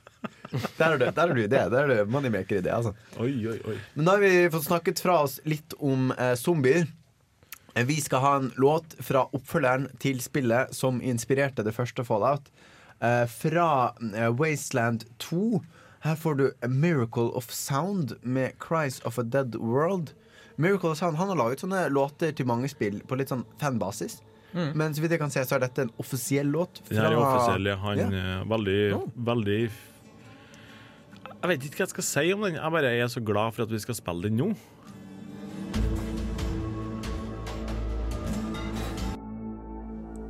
Det var uh, Cries of a Dead World fra eh, Wasteland 2 uh, original soundtrack. Og Wasteland 2 er, Wasteland 1 var jo virkelig et av de, om ikke det første, et av de første postapokalyptiske spillene. Mm. Du, har- du mente i hvert fall at det var det var det første, Benedikt. Tror det, det Jeg husker jeg, jeg burde sjekka det på forhånd. 1987, kan det være riktig? Hvilket spill var det jeg skal sjekke opp? Wasteland. Wasteland. Wasteland, Wikipedia Det, men eh, også ble det jo 1988. 98? Hæ? 88. 88, okay. 88, ja. Det var ganske close, da. Eh, Ja, ja. Pluss minus ett år. Det er poeng hvis det, Det er hadde vært en quiz. Hvis det hadde vært en quiz. Vi kan gjøre Men- en quiz retroaktivt. Quizen. Hvilket, hvilket postapokalyptisk spill er like gammelt som tidligere nerdepratsnakker Jens Erik Våler? uh, Wasteland. Ja, korrekt! Sagt. Um, men eh, spill som Wasteland, spill som Left 4 Dead, spill som Fallout, de er, kanskje, de er veldig sånn tydelige i sine postapokalyptiske eh, røtter. Altså Det er ganske tydelig at det liksom, samfunnet har kollapset, og dette er alt vi har igjen, og zombier spiser alt, eller atombomber har ødelagt alle byene våre. Mm. Men vi har tenkt litt på liksom, hvilke spill er det egentlig som er postapokalyptiske. Og det er ikke alle som er like åpenbare. Det er én som kommer fram veldig tydelig, syns jeg. Det er eh, Nintendo Wii-spillet Pikmin. Ja. Ja, både på GameCube og for, for, jeg Wii. tenk, for jeg tenker på det som et sånn litt koselig plattformspill. Det er jo kjempekoselig, eh, Mm. men, men du, altså, de er jo bitte små, men du ser jo at de går liksom over restene av en verden som har kollapsa. Av eh, jorda, faktisk. Ja. For du, du ser på verdenskartet at planet, eller kontinenten har flytta seg, liksom. De har fortsatt uh, liksom, for, for, fortsatt, uh, ja, fortsatt, fortsette fortsatt eh, sin. Og når du marsjerer over et middagsbord, så er det tydelig at ingen har spist middag der på en stund, for eksempel. Men det, det er også, jeg har sett flere sånne Mye sånne Nintendo-spill som, som, som, som har noen sånne fan, mye fa- fanteorier og prøver å nøste opp sånne små hint om at det har skjedd et eller annet forferdelig som man Ja. ikke snakker om, eller at det er en eller annen apokalypse. Pokémon har vel noen sånne Der har du en sånn fanteori som sier at eh, grunnen til at det er så få foreldre i denne verden, og at det er så mange barn, det er fordi at alle pappaene var eh, ute, har vært ute i den store krigen, som det refereres til, til i ett spill. At en, fyr, at en gymleder har vært eh, med i krigen. Er Den veteran. store krigen, liksom. Det syns jeg er morsomt når, når alt blir omtalt bare som liksom den store krigen, hendelsen. Altså på en måte At det blir noe mystisk ved det når du gjør det til sånn stor forbokstav krigen. Men det som er så fint i Pokémon-universet, er at de har jo en Squirtle gående rundt, så de har jo tilgang til vann hele tida. Anders, nei! Den er, Nei. er prøver du bare å riste disse dråpene ut av den uh, vitsen? Anders! De siste, siste små dråpene. Men eh, kontroversielt forslag. Ja. Uh, Ringenes herre-universet, Middle Earth. Ah, altså Vi vet jo en del om Ringenes herre-forhistorien. Ja. For det har vært denne store krigen mellom, som vi alle vet, eh, mellom eh, Valar og, eh, og han, han Morgoth. Ja. Eh, men jeg, for det, jeg føler det er på en måte samfunnet er for samfunn til å kunne kalles Og så har du jo òg eh, Du har jo også den krigen eh, for 3000 år cirka tilbake, når Sauron var på sitt sterkeste, rett etter han fikk tak i ringen og lurte alle de andre til å ta de ringene. Eh, Så har jo på en måte Alvesocietyen har jo kollapsa og sånn. Eh, Teknologien for å lage ringer, nei, vi har ikke noe Eller så, og magi, eh, ikke minst, har forsvunnet delvis. Det har blitt ser sjeldnere og sjeldnere ut. Ja. Ja. Det vil Men jeg, det er en apokalypse, ikke det er bare en sakte utfasning? Eller noe sånt? uh. Ja, altså, jeg tenker Det var jo et spill som du, Anders, nevnte, der apokalypsen har skjedd fordi det var ingen kvinner igjen. ja, Lisa the Painful RPG. Uh, Som eh, vår anmeldte. Ja, Bård eh, tok anmeldte den nå på vårhalvåret en gang. Da var det jo at alle damene hadde dødd ut, og det var derfor. Mm, det var en veldig god eh, måte å spare animasjonsutgiftene på. No boobphysics. Å, det er fantastisk. eh. Men jeg, jeg håper å si kjenneskjemaet tvinger meg til å eh, avslutte denne eh, samtalen. Eh, nå skal vi få fra eh, et av mine favorittlåter fra Fallout. Og om jeg husker riktig, så er det den som spilles til um, en introfilmen til Fallout 3. Her får du med Inkspots. Dette er I Don't Want To Set The World On Fire.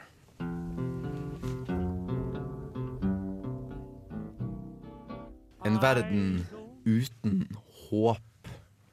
Ut, som har mistet det den trodde på, hvor alt bare ligger i ruiner. Eh, jeg snakker selvsagt om uh, hvordan livet ditt kommer til å være etter denne sendingen, fordi dette er uh, siste uh, ordinære sending av Nerdeprat dette semesteret. Men, og du har tatt av deg hatten, Anders.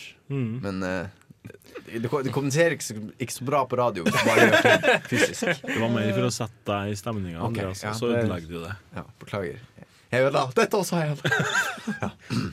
Eh, men eh, denne sendingen kommer nok dessverre ikke til å ende med et eh, atombombesmell, men litt sånn This is the world ends not with a bang, but with a whimper. Er det ikke det det kalles? Tut. Tut. Ja. Men, men for det var det vi egentlig snakket om på slutten der av det forrige, forrige pratebit, som jeg drepte litt tidlig. Uh, altså på en måte disse verdenene som ikke slutter i en apokalypse, men som bare gradvis faller fra hverandre og bare blir mindre og mindre og liksom fisler ut. Sånn som Ringenes herre, da, hvor på en måte alvene drar, og ingen vet hvordan de lager fancy ting lenger. Og jeg, Det blir bare gradvis tristere og tristere. ja, ja det, liksom, det er ikke liksom et smell, og så er det over. Liksom, det er bare på en måte at Istedenfor Det blir liksom en omvendt av vår verden, da, hvor ting gradvis liksom, vi lærer mer og mer, og gradvis bedre og bedre teknologi. Så er det liksom en opplevelse av at det beste ligger bak oss, og nå går det egentlig bare Det blir egentlig bare litt kjipere for hver generasjon. Litt som å fylle 30 år, tror jeg. Nå snakker du vel egentlig eh, ikke så veldig tullete, Anders. Hvor, hvor, hvor gammel er du egentlig? Ikke 30 ennå. Nei. Nei, vi får okay. nyte nyt, nyte det. Nyte, Ja, nyte det, det, det blir min apokalypse. Ja. men, men jeg tror igjen det, det blir ikke en sånn stor eksplosjon. Nå har aldri jeg fylt 30, jeg vet ikke hvordan det fungerer. Nei. Men jeg tror, Eh, det som- Spørs hvor bra fest det er. Da. Ja, det er sant. Altså, det Ja, altså, det blir jo det det. må være og, målet. og det skal sies at 21 dager etter jeg fyller 30, så blir jeg 15 igjen. For da kommer Total War Warhammer på det ut. Så da Men litt, kan jeg da regne 21 dager Er ikke det i april? Korrekt. Uh, men jeg husker ikke hvilken dag. Så det, det blir et, eh, jeg får en sånn overraskelse når Facebook forteller meg når du har bursdag. For det er den eneste måten å holder styr på bursdagen. Som alle gode vennskap, så er jo vårt vennskap basert i hovedsak på Facebook. Andreas. ja, og digitale. Og liksom, dette er den eneste Jeg ser deg to timer hver onsdag, og det Jeg skal huske å sende deg en morsom eh, kattebilde på Messenger i kveld. Jo, takk. Vi uh, har vært Nerdeprat, og på den, sant, akkurat som jeg sa, ikke liksom en stor eksplosjon, men på denne kommentaren om kattegifs, så må vi si ha det bra. Eh, dette har vært vårt eh, semester. Det har vært litt fint å lage radio for dere. Eh, det kommer en Game of the Year-sending på et eller annet tidspunkt. Eh, følg med, sånn får dere med dere den. Da er det bare på tide å si ha det bra. Snakkes neste Ha det år! Ha det bra! Og nå får du Jap The Japanese House med Letter by the Water.